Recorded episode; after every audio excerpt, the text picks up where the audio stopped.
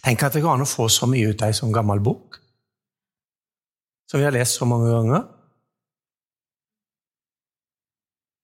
Men altså, det står jo her fordi det er viktig.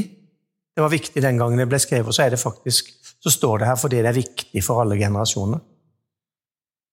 Så ja. Jeg leste, eller henta meg opp til vers 13 på søndag. Og leser det bare igjen nå, eh, i sammenhengen videre. Og mye av det som vi leser nå, eh, henger sammen med det som jeg sa på søndag, så jeg skal ikke bruke mye tid på å gjenta så veldig mye av det.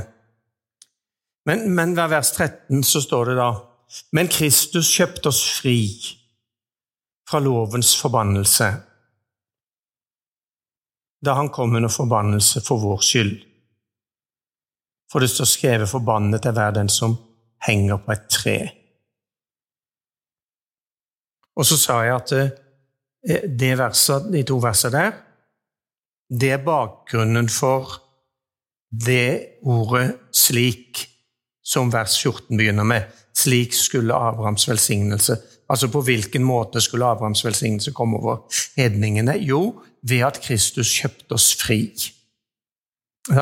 Hadde ikke Kristus kjøpt oss fri, så hadde vi heller ikke fått del i velsignelsen. Men det at Kristus kjøpte oss fri, det er egentlig selve velsignelsen. Ikke sant? For, for, for, ved det at Kristus kjøpte oss fri, så ble vi en del av det folk som er velsigna.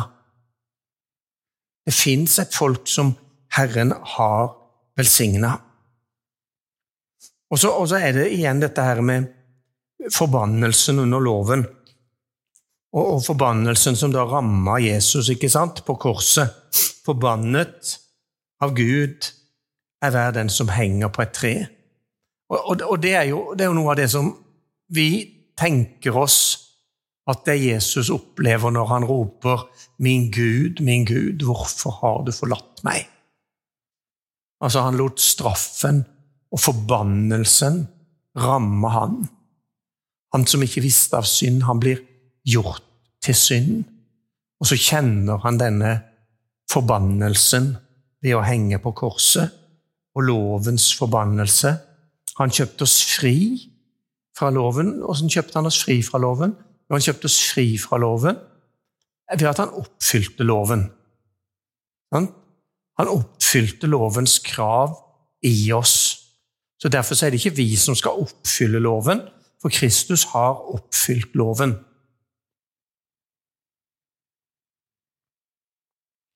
Og, og det gjelder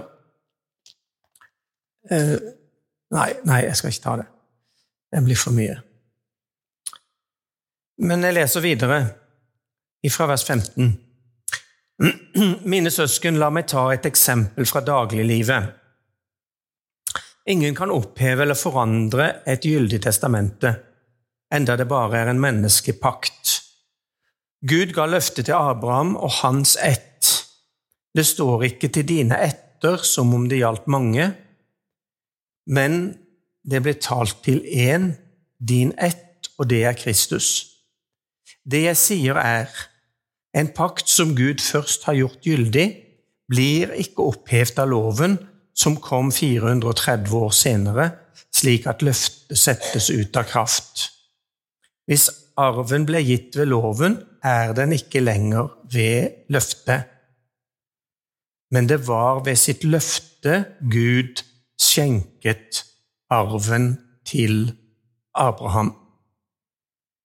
Altså Problematikken her var jo den at disse som kom fra Jerusalem med forvirring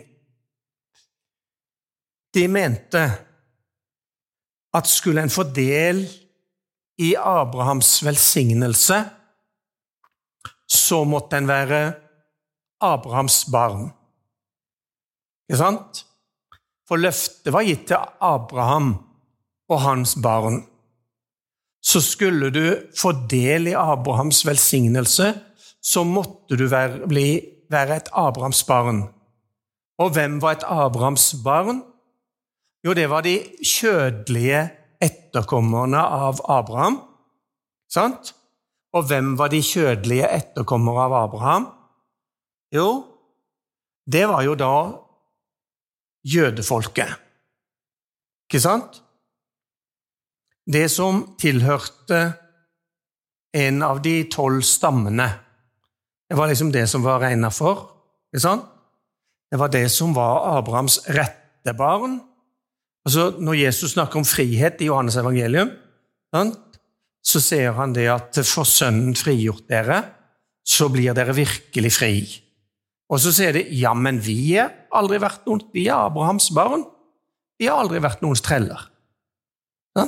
Det, det, er svaret som, som, som, jødene gir til Jesus. Vi, vi, trenger ikke å bli fri, for vi er Abrahams barn.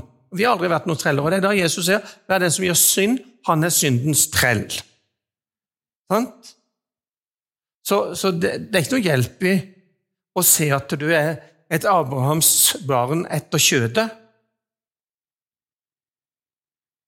Men Abrahams barn, det er jo som vi har lest her videre tidligere, i vers 7 for eksempel, det er de som tror, som er Abrahams barn. På samme måte som Abraham trodde Gud, og det ble regnet han til rettferdighet, så er det de som tror, som er Abrahams barn.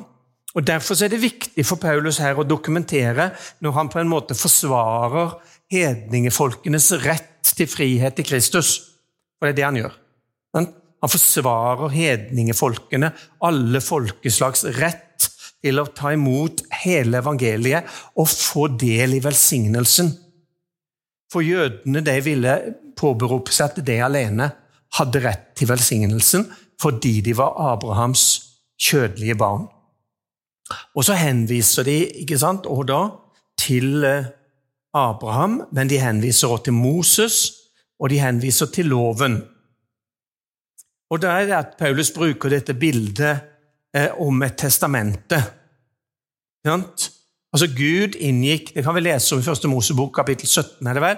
Eh, så kan vi lese om hvordan Gud inngikk en pakt med Abraham. Og Når Gud inngår denne pakten med Abraham, så er det egentlig det Paulus her regner som det testamentet. Det var et testamente som Gud inngikk med Abraham. At Abraham, i deg skal alle jordens slekter velsignes. Og se på stjernene og se på sanden, så skal din ett bli.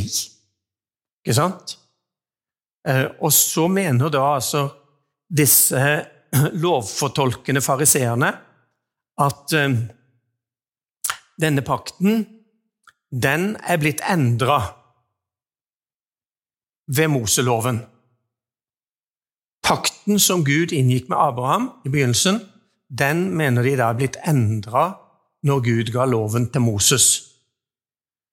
Og inkludert i det betyr at skal du da ha rett til velsignelsen, så må du i tillegg til å være et Abrahams barn, så må du holde loven. Og så må du la deg omskjære. Som jo var paktstegnet. Og Da er det jo at, at Paulus her bruker dette her eksempelet og ser det at eh, en pakt som Gud først har gjort gyldig, den blir ikke opphevet av loven, som kom 430 år senere. Så det som står over loven altså Det han på en måte argumenterer for, det er å fortelle at pakten til Abraham den står over loven. For jødene her vil jo hevde Moses, ikke sant? og pakten, lovpakten som Gud inngikk med Moses. Men Gud inngikk pakten med Moses 430 år etter han hadde inngått pakten med Abraham. Og fordi om Gud inngår dette tillegget, som han sier videre, vi kommer tilbake til det eh, senere, så vil ikke det si at utgangspunktet er ugyldig. Men det er utgangspunktet som gjelder. Og utgangspunktet som da gjelder, det er velsignelsen. I deg skal alle folkeslag på jorden velsignes. altså evangeliet til folkeslagene. Og så er det jo andre som påberoper seg å være Abrahams barn. Og det er jo for så vidt riktig etter kjødet. For Abraham hadde en sønn som het Ismael. Ikke sant? Og ehm, for å bruke bildet i kapittel fire, da eh, Trellkvinnens sønn, som har sine etterkommere og det fins millioner av de i dag som påberoper seg å være Abrahams barn, etterkommere av Ismael, og som vil påberope seg rett til Abrahams velsignelse fordi den var gitt til Abrahams barn. Og da sier Paulus i vers 16 Gud ga løftene til Abraham og hans ett. Det står ikke 'til dine etter' som om det gjaldt mange. Altså Her er ikke mange forskjellige grener av Abrahams barn som gjelder, men løftet er knytta til én og din ett, og det er Kristus. Hva forteller det? Jo, det forteller at når Gud begynner å handle med Abraham, så begynner han å åpenbare det som skal komme. Når Gud gir løftet til Abraham, så begynner han å fortelle at endemålet Abraham, det er ikke at du skal få en løftesønn Isak, og at eh, han skal få en sønn Jakob, og at Jakob skal få tolv sønner igjen, og, og, og alt det der. Men, men, men han løfter perspektivet. Det står om Abraham og de andre gamle troende. De så det langt framme, og de hilste det. Hva var det de så? Jo, Jesus sier Og da, da tror jo folk at han er helt uh, skrull opp i huet. Han sier det. Abraham, deres far Abraham, han så min dag. Det er Jesus. Han så min dag. Og han så min dag, og han fryda seg. Altså, altså, Han så noe i, i, ånden, ikke sant? Han så noe langt der framme som skulle komme. Og Det viser oss jo det at eh, det Gud begynte med der, det er alt peker fram imot Han som skal komme, og et fullbrakt verk på Golgata. Det er det alt sammen, det er det som er målet med alt. Og Kristi forsoning, og at vi gjennom Han blir kjøpt fri. Vi er et folk, et frigjort folk, som er kjøpt fri fra lovens forbannelse, Moseloven, kjøpt fri fra syndens lov og dødens lov, Romerbrevet 8, ikke sant? Ingen fordømmelse for den som er Kristus Jesus.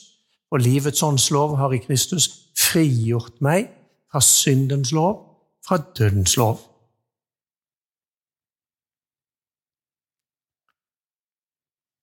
Er dere med? Det er noen lange linjer her. Eh, og jeg syns jo det er både interessant og stort, disse lange linjene. For det forteller at det ligger noe i når Gudsordet og Gudsmannen sier 'utvalgt i Kristus' fra før verdens grunnvoll ble lagt. Ikke sant? Altså, Det er noen lange linjer her. Gud hadde et mål fra evighetens begynnelse, og det var at du skulle bli regna med. Det var at du skulle bli regna med i det folket som er under velsignelse. At du skulle bli regna med iblant det folket som kan påberope deg tilhøre Abrahams ett og ha rettmessig arverett til velsignelsen og til løftet.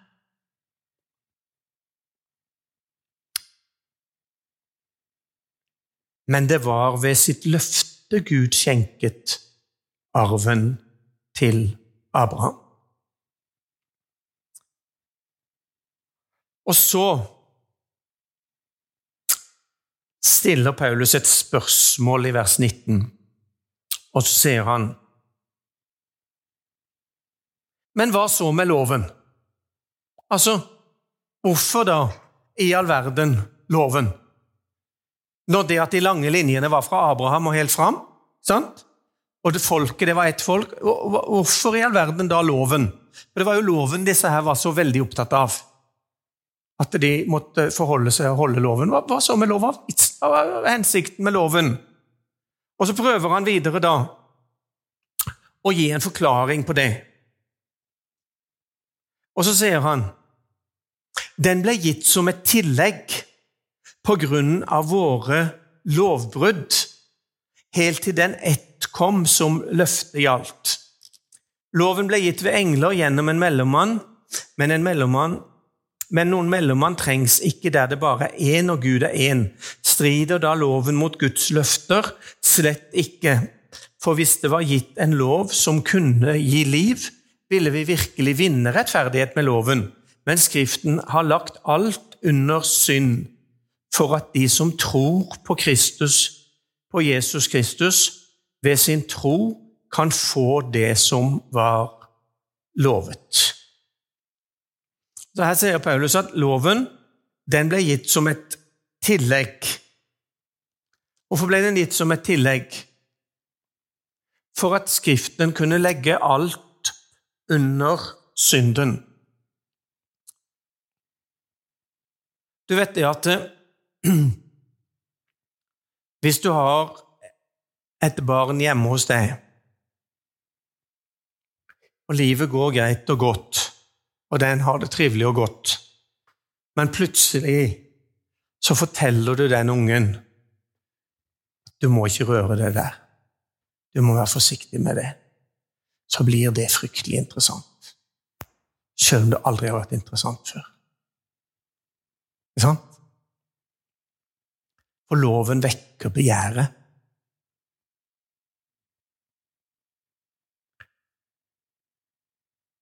Og loven vekker synden.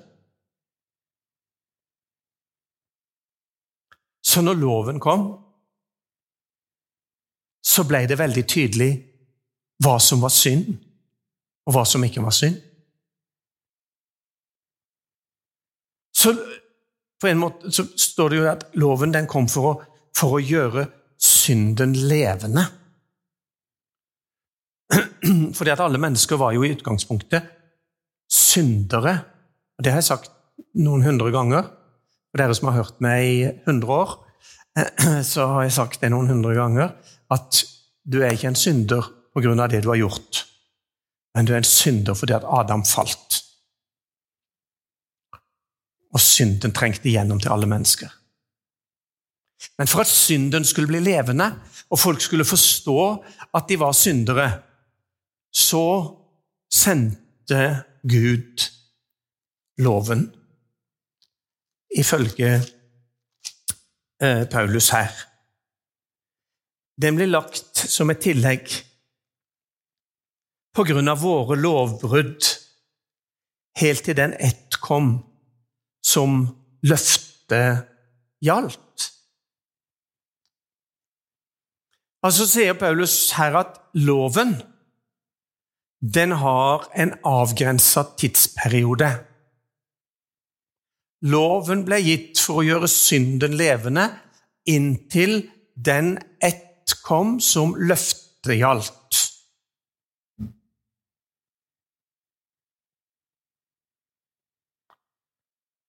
Og Så skriver Paulus videre fra vers 23.: Før troen kom,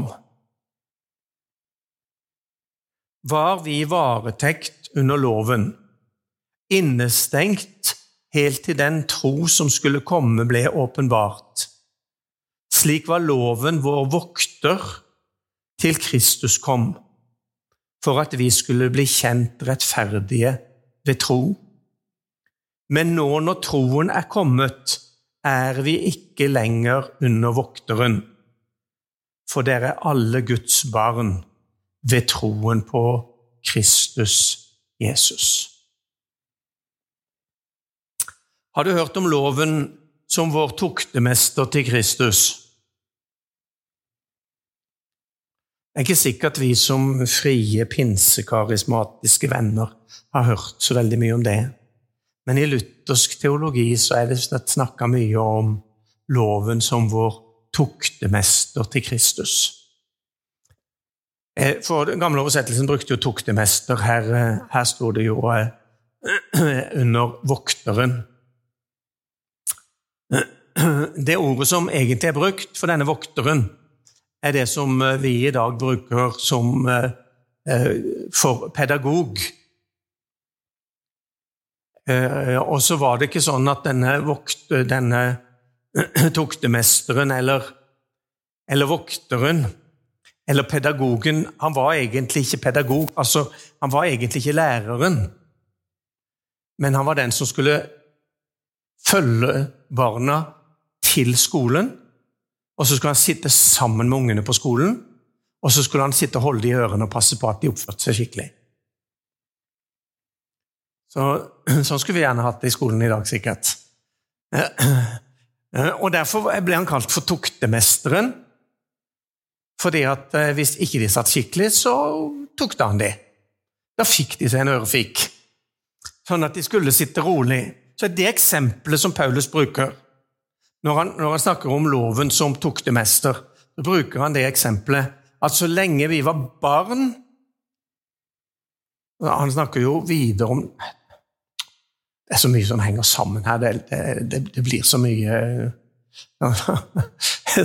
Han snakker jo om dette at når, vi var barn, ikke sant, så var det en som tok vare på arven for oss, men når vi ble voksne, så hadde vi rettmessighet til eh, arven sjøl. Men la meg nå prøve å styre unna det, da. Men denne tuktemesteren, altså loven, skulle da være en sånn forordning som skulle ta hånd om og føre barnet fram til undervisning og til målet, som jo da skulle være fullkommenhet ved loven. Ikke sant? Disse barna skulle sitte, skulle få undervisning, skulle forstå at de skulle lære loven, de skulle følge loven, og loven skulle på en måte være deres veiledning og hjelp til rettferdighet. Så de skulle bli rettferdige ved loven.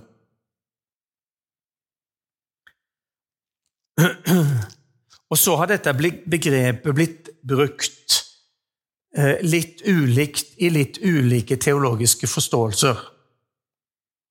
For noen har brukt begrepet sånn som det står i vers 24. Slik var loven vår tuktemester til Kristus, for at vi skulle bli kjent rettferdig ved tro. Og så er det mange jeg tror jeg tør si mange som har ment, og sikkert mener fremdeles, at loven har en gjerning å gjøre, og i dag. Og den gjerningen det er at loven skal dra oss til Kristus. Vår tuktemester til Kristus. Er? Sånn at loven skal virke på en sånn måte at vi får lyst til å komme til Kristus. Og Derfor så mener mange at loven har en funksjon i å føre folk til Kristus. Og så spør jeg dere er det loven som fører mennesker til Kristus.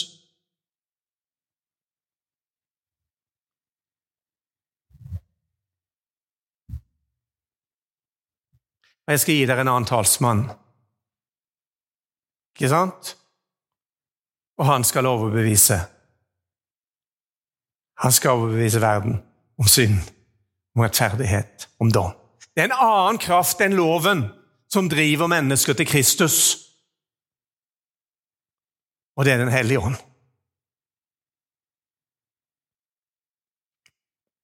Det er iallfall min oppfatning. Derfor er jeg veldig glad for at denne nye oversettelsen har fått den formuleringen som jeg mener egentlig er den rette formuleringen, og som mange andre mener er den rette formuleringen, som står Slik er loven vår vokter til Kristus kom. Altså, loven hadde en funksjon fram til Kristus kom.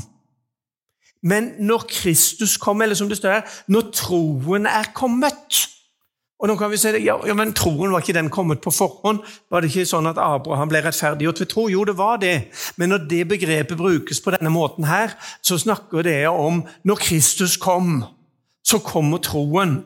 Og når troen kom, så er vi ikke lenger under vokteren eller tuktemesteren. For når troen kom, så er det troen som er grunnleggende. For dere er alle Guds barn ved troen i Kristus Jesus. Altså, dere er ikke Guds barn fordi dere har fått loven, eller fordi dere har holdt loven, eller fordi dere er oppvokst i en spesiell slekt, men dere er Guds barn ved troen på Kristus Jesus. Og Da er det at Paulus begynner å dra en konklusjon på slutten her. Når han da sier Jeg må ta med vers 27 òg. Alle dere som er døpt til Kristus, har kledd dere i Kristus. Han trekker altså inn her et bilde om, bilde om dåp for å måtte, Han skulle gjøre og vise dette her med ikledd seg Kristus ved dåpen. Og så konkluderer han, og så sier han at i, i dette her Dere er alle Guds barn ved troen på Jesus Kristus. Så er det at han sier Her er ikke jøde eller greker. Her er ikke slave eller fri. Her er ikke mann og kvinne. Dette er kontroversielt. Det er kjempekontroversielt i den settingen som Paulus skriver det, forkynner det. Å komme her og se at det ikke er forskjell på jøde og greker, det går ikke an. Jo, men det er jo det hele argumentasjonen hans går ut på. Ikke sant? Fordi at dem som kom fra Jakob, og som allikevel ikke kom fra Jakob, men som utgjorde seg for at de kom fra Jakob, det sa at skal de bli frelst, så må de omskjæres og holde loven. Altså, de må bli jøder. Og så Det er jo her hele kampen står. Må hedningene bli jøder for å bli frelst? Eller er det nok at de tror og tar imot og opplever Guds nåde? Og det er at I det spenningsfeltet der som var altså Vi leste om heftige ordskifter og konflikter. Vi liker jo ikke, De fleste liker ikke heftige ordskifter og konflikter, men, men, men her sto det på en måte om på liv og død, altså. For friheten for, for hedningene til å få del. Få del i arven, få del i løftet, få del i velsignelsen. Det var det de kjempa for. At dem skulle bli frelst, eller de ble frelst på samme måte som oss, sier Paulus. Derfor er det kontroversielt når han sier her er det ingen forskjell på jøde og greker. Ingen forskjell på Det var ikke noe mindre kontroversielt å se at det ikke var forskjell på trell eller fri. For det var, det var kjempestor avstand på trell og fri, ikke sant? Det var jo noe av, jo noe av konflikten som vi leste om når vi, når vi i, før sommerferien eh, leste først Korinterbrev, og, og, og, leste bl.a. om nattværen. ikke sant? Dere, husker sikkert selvfølgelig det når jeg snakka om nattværen at, at, noe av utfordringen med nattverdsbordet der det var jo dette her med at de rike ikke sant? De kom og så holdt de for for seg sjøl, og så hadde de med seg masse god mat og masse greier, og så holdt de skikkelig fest. når de hadde nattvær, Og så skjøv de alle de fattige og trellene. og så De skulle ikke blande det som var frie mennesker, og det som var treller. Det var, var stor forskjell på det. Det var dette her eh, enorme skillet mellom trell og fri. Så Det var like kontroversielt å se det at det er ikke forskjell på, på, på en, fri, en frimann og på en trell. En trell er jo solgt og tilhører jo en, en annen manns eiendom. ikke sant? Men, men, her sier Paulus her er det ikke jøde eller greker. Her er ikke slave eller fri. Her er ikke mann Det var ikke noe bedre å si det. Her er ikke mann eller kvinne heller. Det var like kontroversielt, det. Men det var like stor forskjell på mann og kvinne som det var på, på, på trell og fri. Så, så, så, vi leser dette her kjapt, liksom, og så, og så tenker vi at ja, det er klart at det, så, det, er sånn. Men det var ikke klart at det var sånn. og det var, det var ganske kontroversielt å, å se det.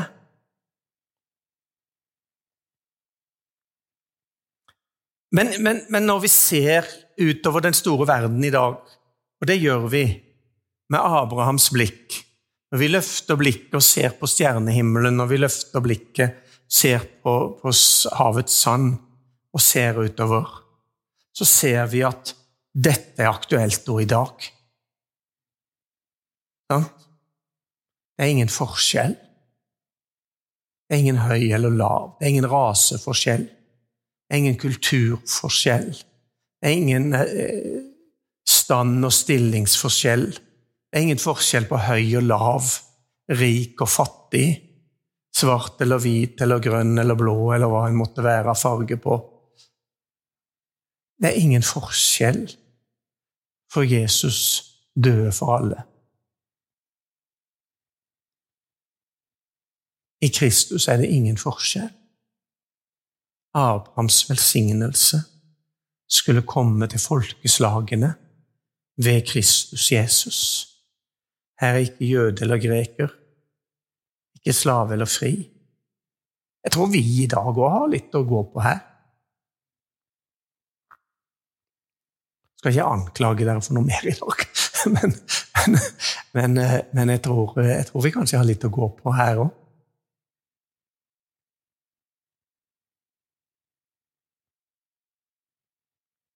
Og så, så står det her Dere er alle én i Kristus Jesus. Her i denne oversettelsen så står det ikke at dere er alle ett, men her står det at dere er alle én.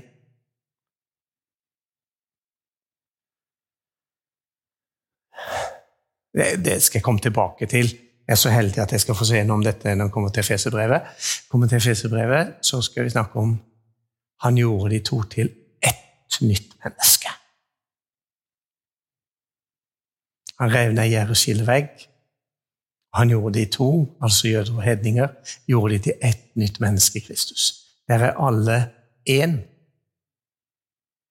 Dere er alle én i Kristus. Det er bare ett nytt menneske. Halleluja. Og det er det nye mennesket som han skapte ved sitt verk på Golgata kors. Og så denne enkle og befriende og herlige avslutningen, dere.